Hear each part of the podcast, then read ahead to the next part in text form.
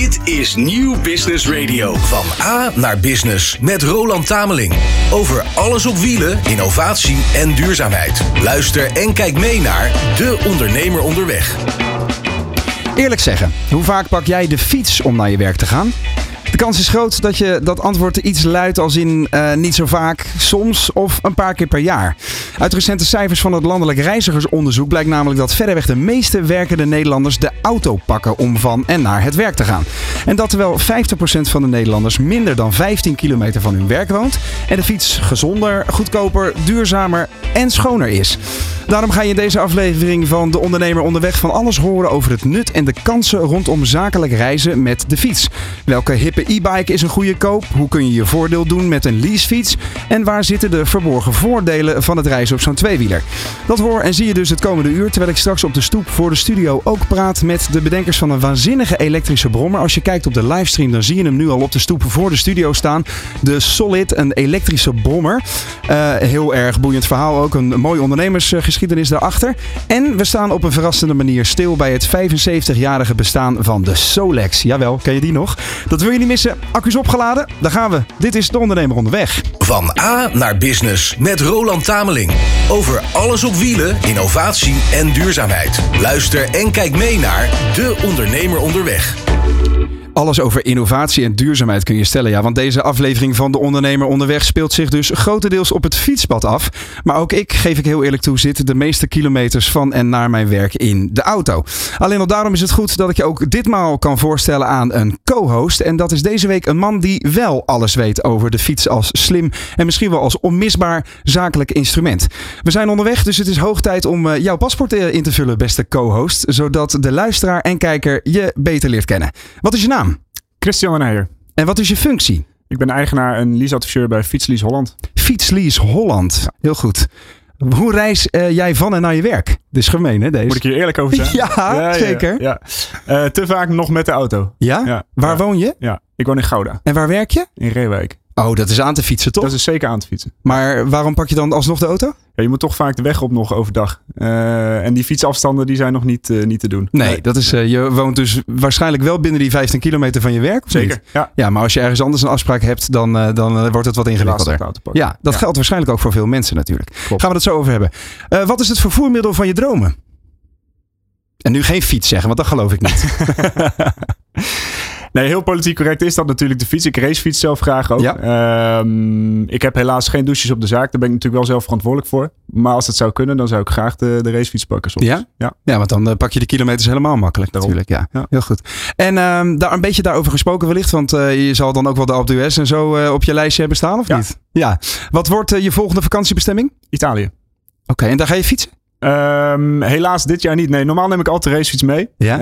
Uh, vind ik heerlijk om inderdaad in een andere, ander land te fietsen, andere cultuur. Uh, maar ik heb uh, een drie maanden geleden een dochter gekregen. Kijk eens aan, gefeliciteerd. ja, dankjewel. dus ik vond het, vond het ook weer zo wat om dan 's ochtends drie uur lang op de fiets te gaan zitten en mijn vrouw en dochter achter te Ja, eer, eerder papa dus dan pedalen dit jaar, dit jaar ja. zeg maar. Ja. Ja. Ja. Hey, en tot slot, deze mag je aan het einde van dit uur be beantwoorden. Vind ik mooi dat we dan het cirkeltje rondpraten. Wat moet er veranderen aan de manier waarop wij reizen in Nederland? Maar die mag je dus straks, uh, straks uh, beantwoorden. Want eerst even over Fietslease Holland en, en jouw rol daarbinnen. Wat doet Fietslease Holland? Ja, de naam zegt het allemaal al natuurlijk. Maar uh, welke klanten bedienen jullie?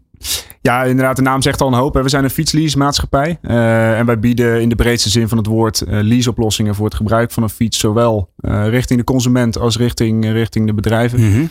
Um, en dat uit zich voornamelijk in, uh, in full service lease. Een operational lease vorm waarin wij ook zorgen voor het onderhoud, voor verzekering, uh, reparatie, pech-op service. Eigenlijk alles wat erbij komt kijken. Ja. Uh, naast de trappen. Um, en daarnaast doen we ook een gedeelte financiering van zakelijke fietsparken. Uh, voor bijvoorbeeld verhuur, voor deelgebruik uh, okay. en dat soort dingen. Ja. Uh, voor deelgebruik als in voor, voor partijen zoals Check bijvoorbeeld die, die, die nu fietshalen aan, aanbiedt bijvoorbeeld? Of? Um, nou ja, niet het publieke deelsysteem, maar bij ons is dat voornamelijk bijvoorbeeld organisatiedeelfiets. Hè? Okay. Je ziet veel zorgorganisaties die ambulante medewerkers hebben die ja. de weg op gaan met een fiets. daarvoor zetten we dan bijvoorbeeld een deelpool in.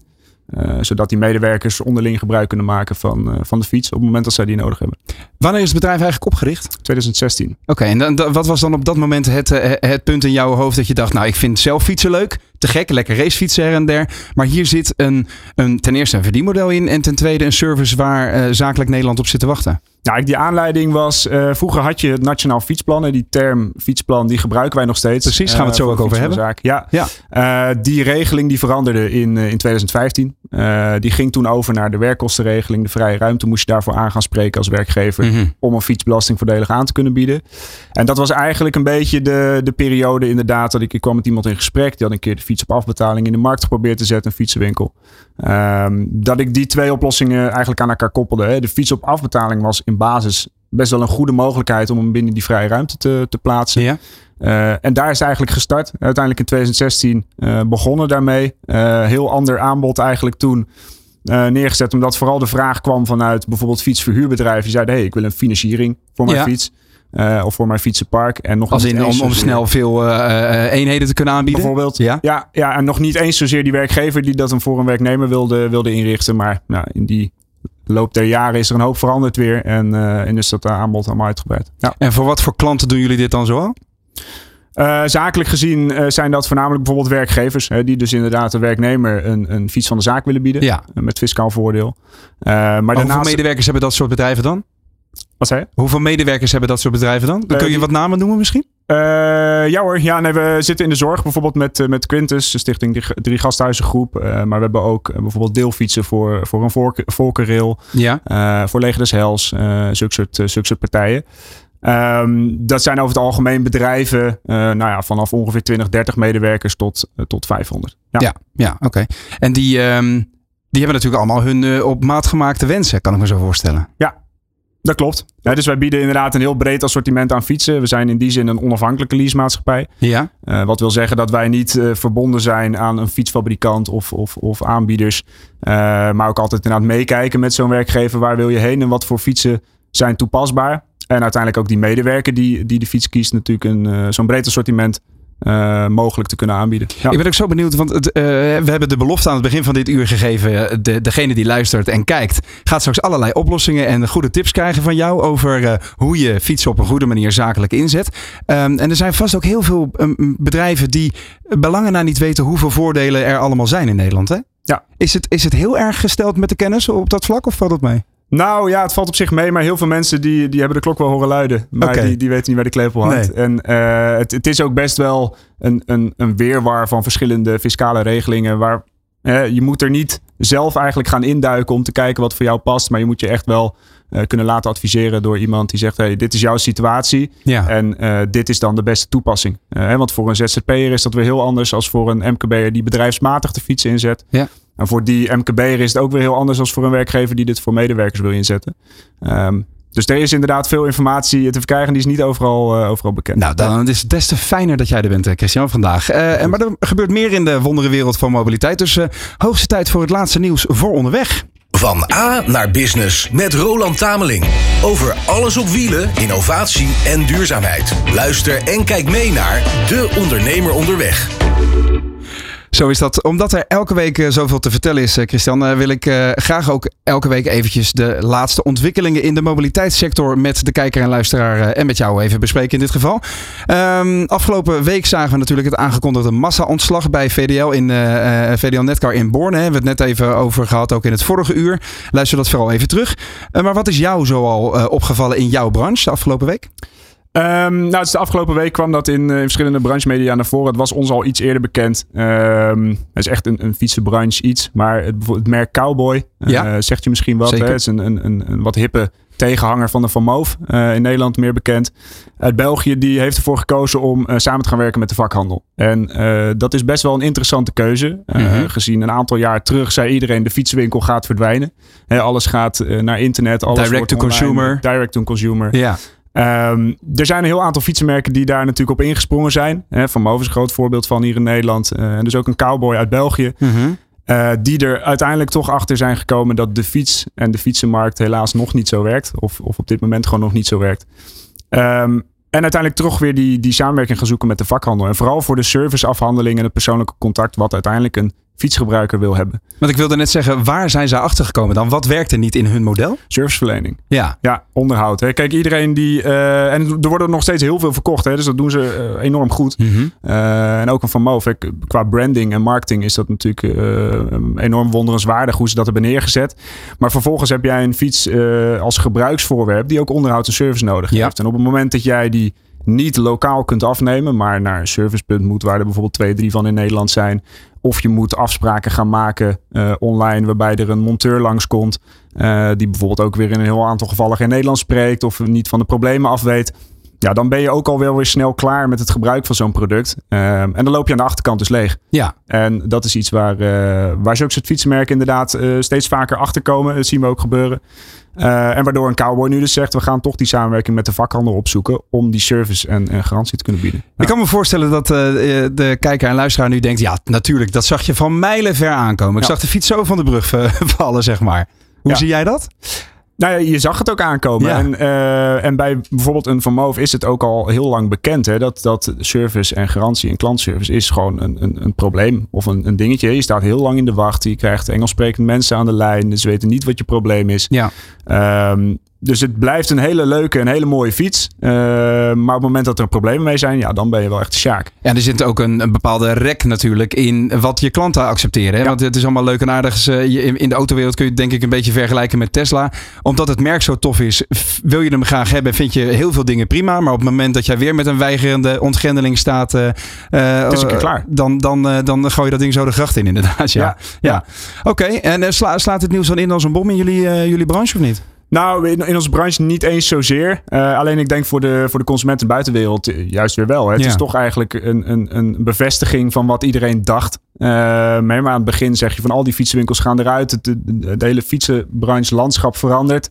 Ja, dat valt achteraf, achteraf wel mee. En Ja, is het voor jullie goed nieuws dat er dus ook meer fysieke plekken blijven? Zeker, ja. Ja. ja. Want dan hoef je voor je, je aftersales en je, en je service ook eh, minder te gaan zoeken. Nou ja, eigenlijk- wel hè. Inderdaad. Kijk, we zijn echt een leasemaatschappij. en We zijn afhankelijk uiteindelijk van serviceverleners. Eh, in, in, in de meeste gevallen fietsenwinkels.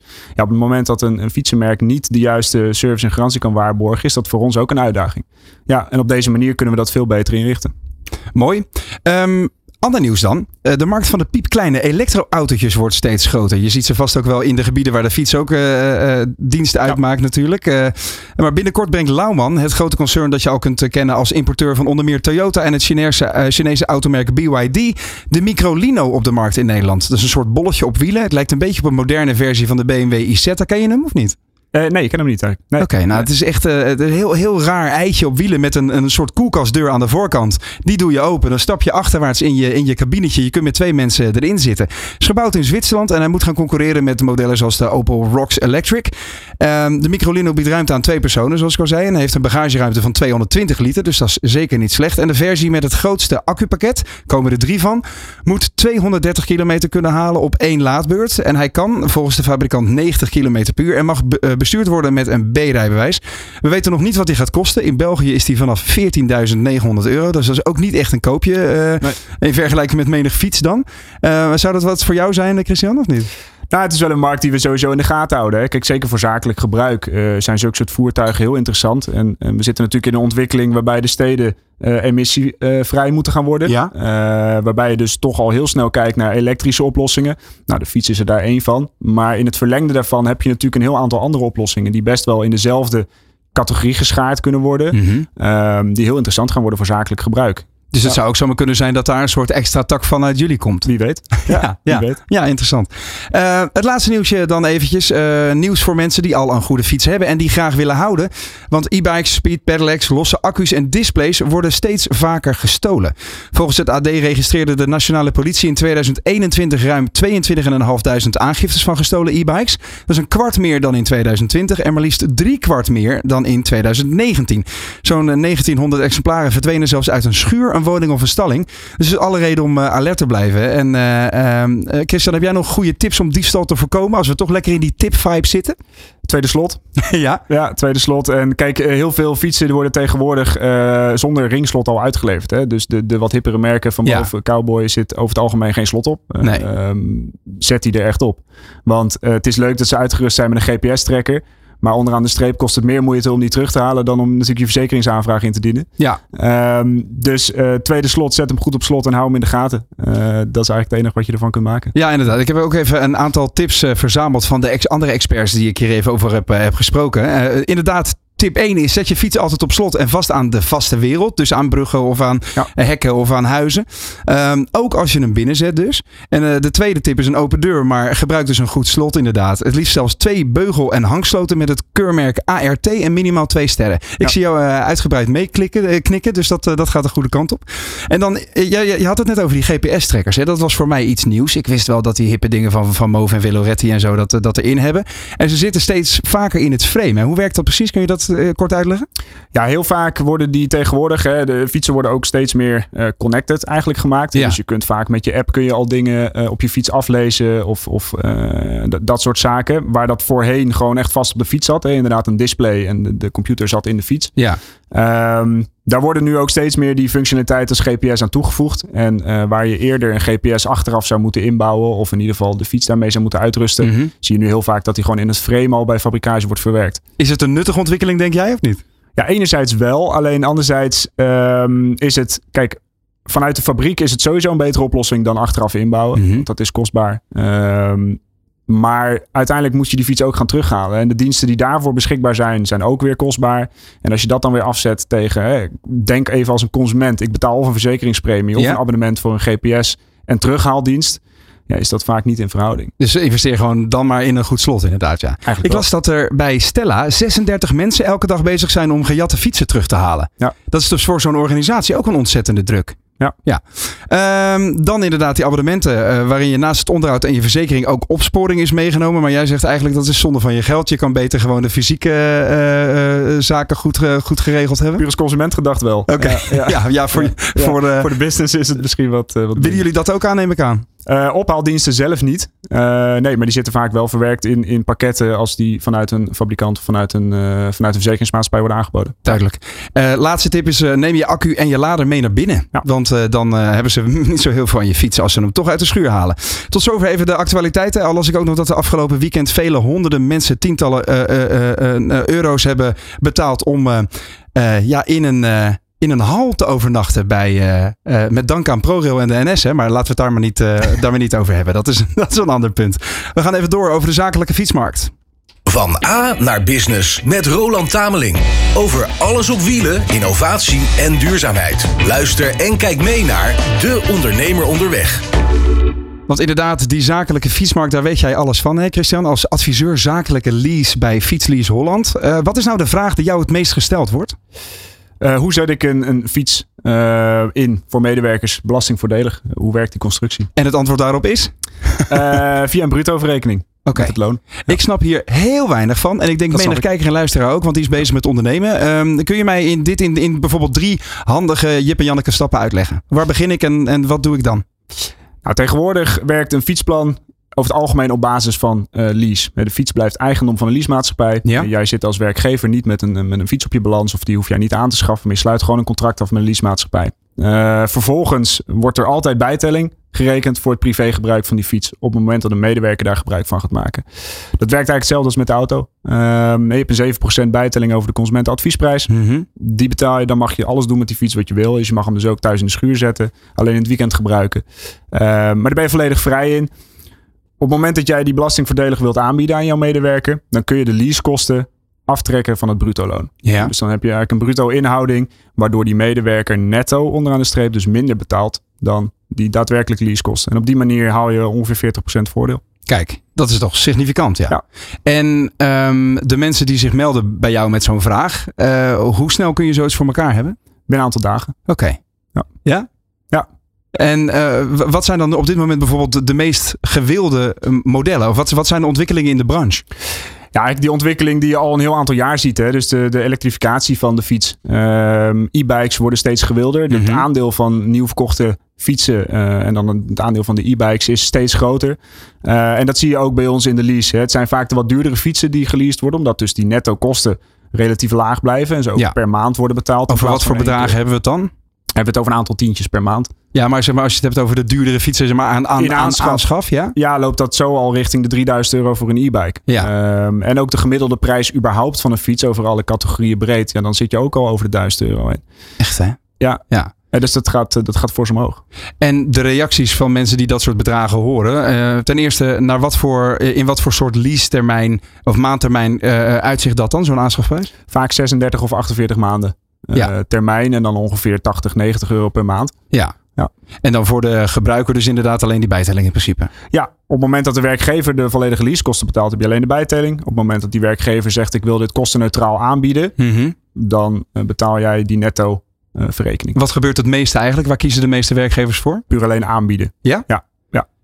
Maar dat is toch voor de werknemer helemaal niet zo interessant, kan ik me voorstellen. Nou, onderaan de streep dus wel. Hè. Op het moment dat je die, die kosten bruto verrekent, Ja. eh, betaal je dus netto veel minder dan dat jij normaal zelf zou doen. Ja. Eh, en als jij die eh, maandkosten dan optelt over de leasetermijn en Mhm. je zet dat af tegen de aanschaf van zo'n fiets, dan ben je vaak minder kwijt. Dan heb je wel eh, die nieuwe e-bike die jij wilt. Hè? Want je kunt gewoon zelf jouw e-bike uitkiezen. Ja.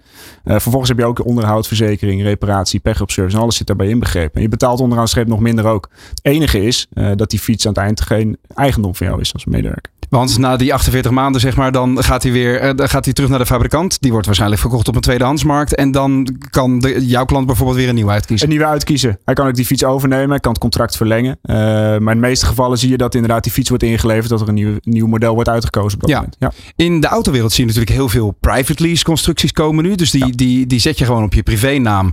Dus niet zozeer als werk, eh, werknemer. Maar die kan de werknemer wel ook gebruiken vanuit zijn mobiliteitsbudget bijvoorbeeld. Is dat een ontwikkeling waar jullie op aanhaken? Ja, wij bieden sowieso inderdaad ook een consumentenproduct. Ja. Eh, Dat uitzicht in een private lease. Dus een full service eh, abonnement eigenlijk hè, voor drie, vier jaar. Eh, waarbij alles zit inbegrepen. Eh, en jij gewoon zelf als particulier die kosten betaalt. Eh, je ziet dat daar heel veel consumenten dus ook gebruik van maken. Die markt is echt best wel groot. Zeker in de coronatijd. eh dat we zagen dat de zakelijke markt wat minder werd. zagen we juist dat die particuliere markt heel erg omhoog schoot. Ja. En zo zie je inderdaad ook dat we zijn nu...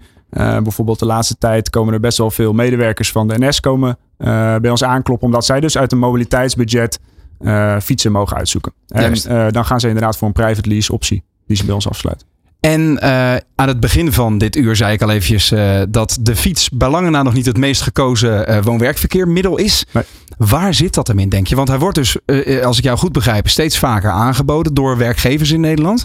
Ehm, maar de werknemer vindt het vooral waarschijnlijk heel mooi om het in dit, in dit weekend klaar te hebben staan voor het ritje richting eh, de Bollevelden. Ja, ja. Nou, als je kijkt naar de, de fietskilometers in Nederland, ehm, is dat over het algemeen inderdaad eh, recreatief. Hè? Dus de, de fiets als woon-werkverkeer staat ergens op drie uit mijn hoofd. Ja. Ehm, daar worden niet zo heel erg veel kilometers woon-werk eh, op die fiets afgelegd. En dat heeft denk ik vooral gewoon te maken met een, met een stukje gedrag, een stukje instelling die we Ja. hebben. Je pakt liever de auto, je zit droog. Je staat wel in de file, maar dat neem je dan voor lief. Eh, en als het lekker weer is, pakken we wel de fiets. Maar inderdaad, voor de rest blijft hij staan. Ja, het is ook een, een, een punt dat volgens mij het moeilijkst is voor werkgevers om dat gedrag te veranderen. Hè? En er zijn eh, allerlei financiële prikkels eh, waar we het straks ook nog even over, over kunnen hebben. Ehm, en die, ehm, de- de- ik ben ook nog wel even vers- benieuwd naar de verschillen tussen de opties voor ZZP, MKB en grootzakelijk. Maar daarover straks meer. Want eerst ga ik even kijken naar een voertuig voor de studio hier op de stoep waar bijna elke voorbijganger tot nu toe even stil bij staat. De Solid MX. Van A naar Business met Roland Tameling. Over alles op wielen, innovatie en duurzaamheid. Luister en kijk mee naar De Ondernemer Onderweg. Nou, Christian, kijk maar even naar buiten. Christian eh, Den Heijer van Fietslies Holland. De Solid MX wordt nu eh, teruggerold eh, in, de, in, de, eh, in de auto, denk ik, waarin hij hier naartoe is gebracht. Ze zullen vast niet over het fietspad zijn gekomen uit Friesland. Wat vind je van dit soort ontwikkelingen? Dit soort elektrische brommers? Ja, super gaaf. Ja? Ja, ja. Vooral super gaaf om te zien inderdaad. Je, hebt, eh, je ziet sowieso die ontwikkeling bij, eh, bij brommers en scooters inderdaad ook, eh, ook aan de gang. Ook traditionele merken die daarmee aan de gang zijn. Het is niet helemaal mijn markt. We doen het af en toe wel. Mhm. op, op verzoek van, van werkgever. Hè, die zegt veel, ik heb een medewerker die wil gebruik maken van het plan. Maar eigenlijk op een scooter in plaats van een fiets.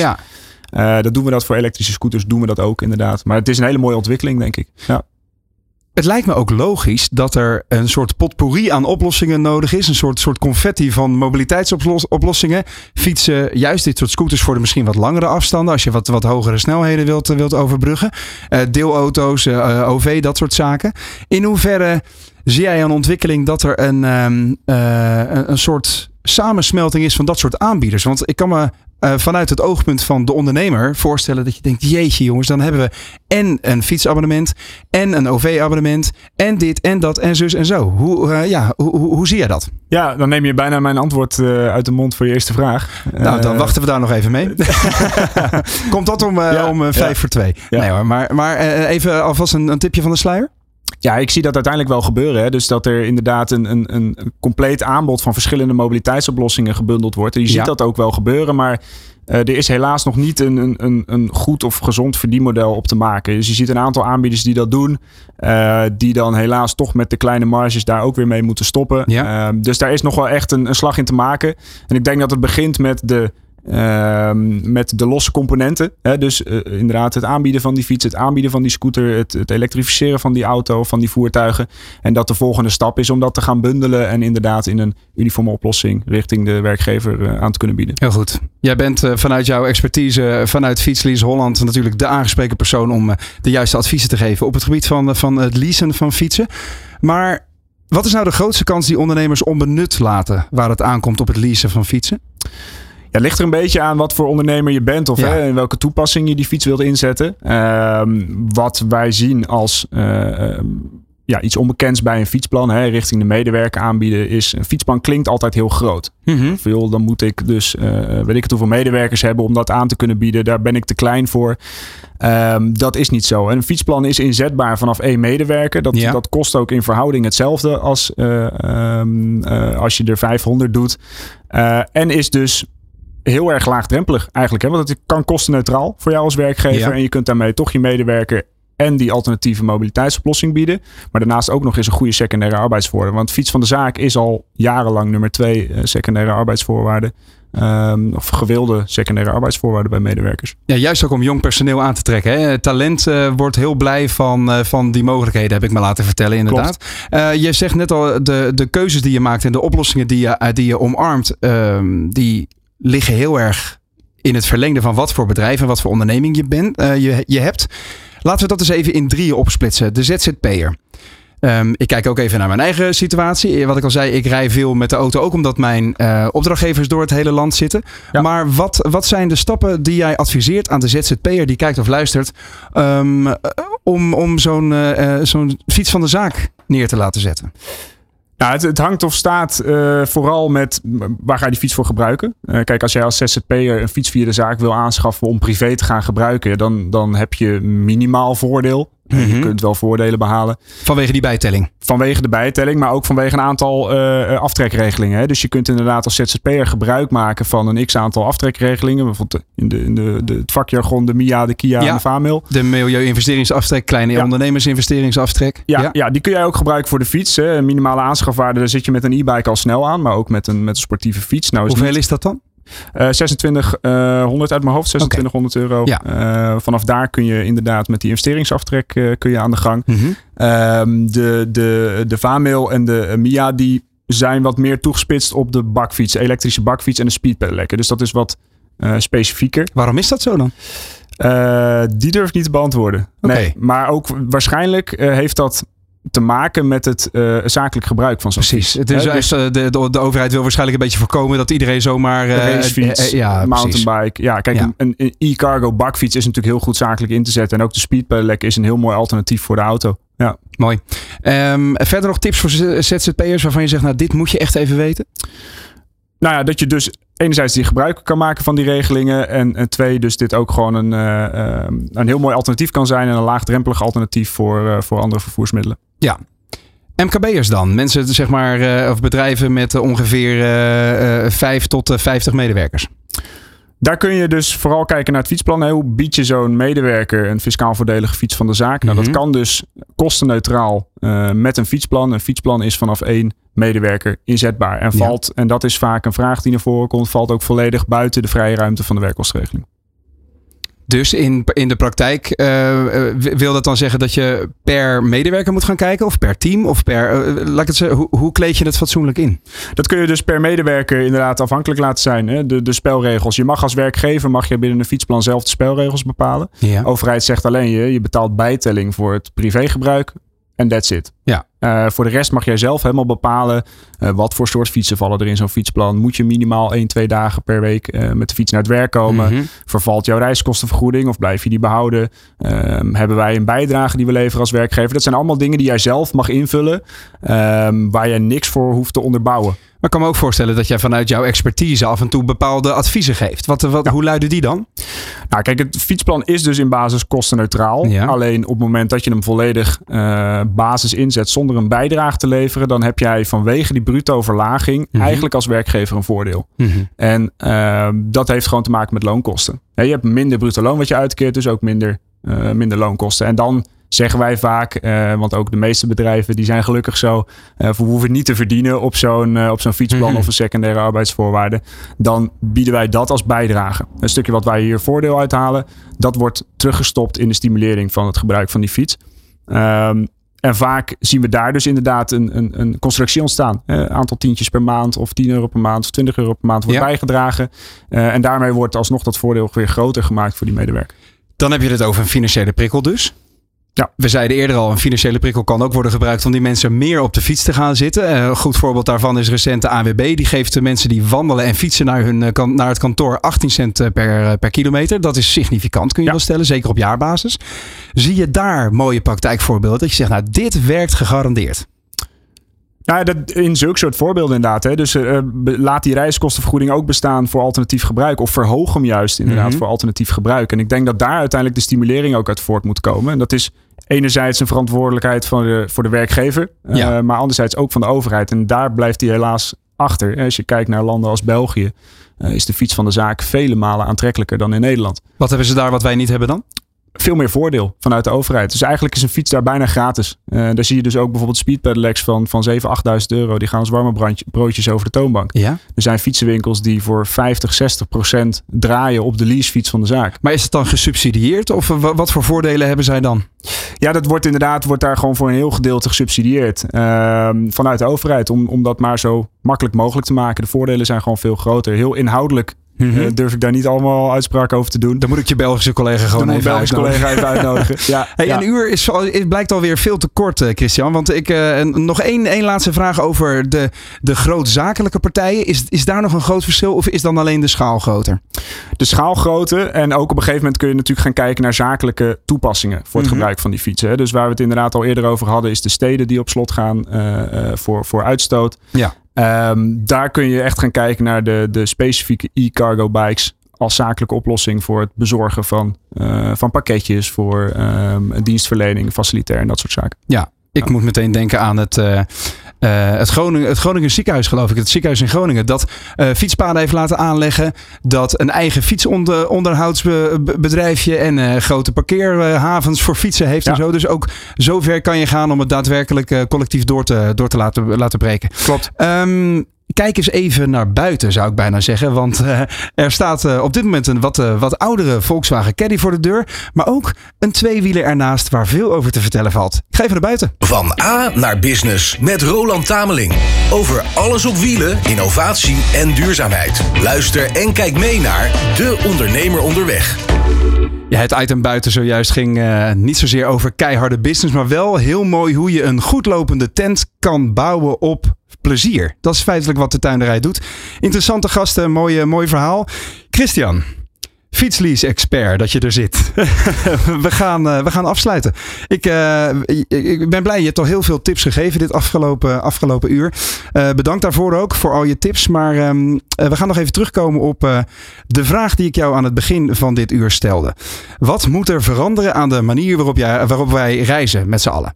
Je gaf al een klein ja. tipje van de sluier eerder. Um, wat, wat is er op jouw antwoord? Ja, we hebben het inderdaad al kort over gehad. Maar ik denk dat we uiteindelijk toe moeten naar een, een, een manier waarop alle mobiliteit die we tot onze beschikking hebben, op, naadloos op elkaar aansluiten. Waarbij mm -hmm. je inderdaad uh, flexibel de keuze kunt maken wat jij, uh, wat jij pakt. Hè? Of dat nou een fiets is, of dat nou een auto is, of dat nou een, het OV is of een scooter, dat dat niet uitmaakt, maar dat het naadloos aansluit op de behoeften die je hebt in het zakelijk verkeer.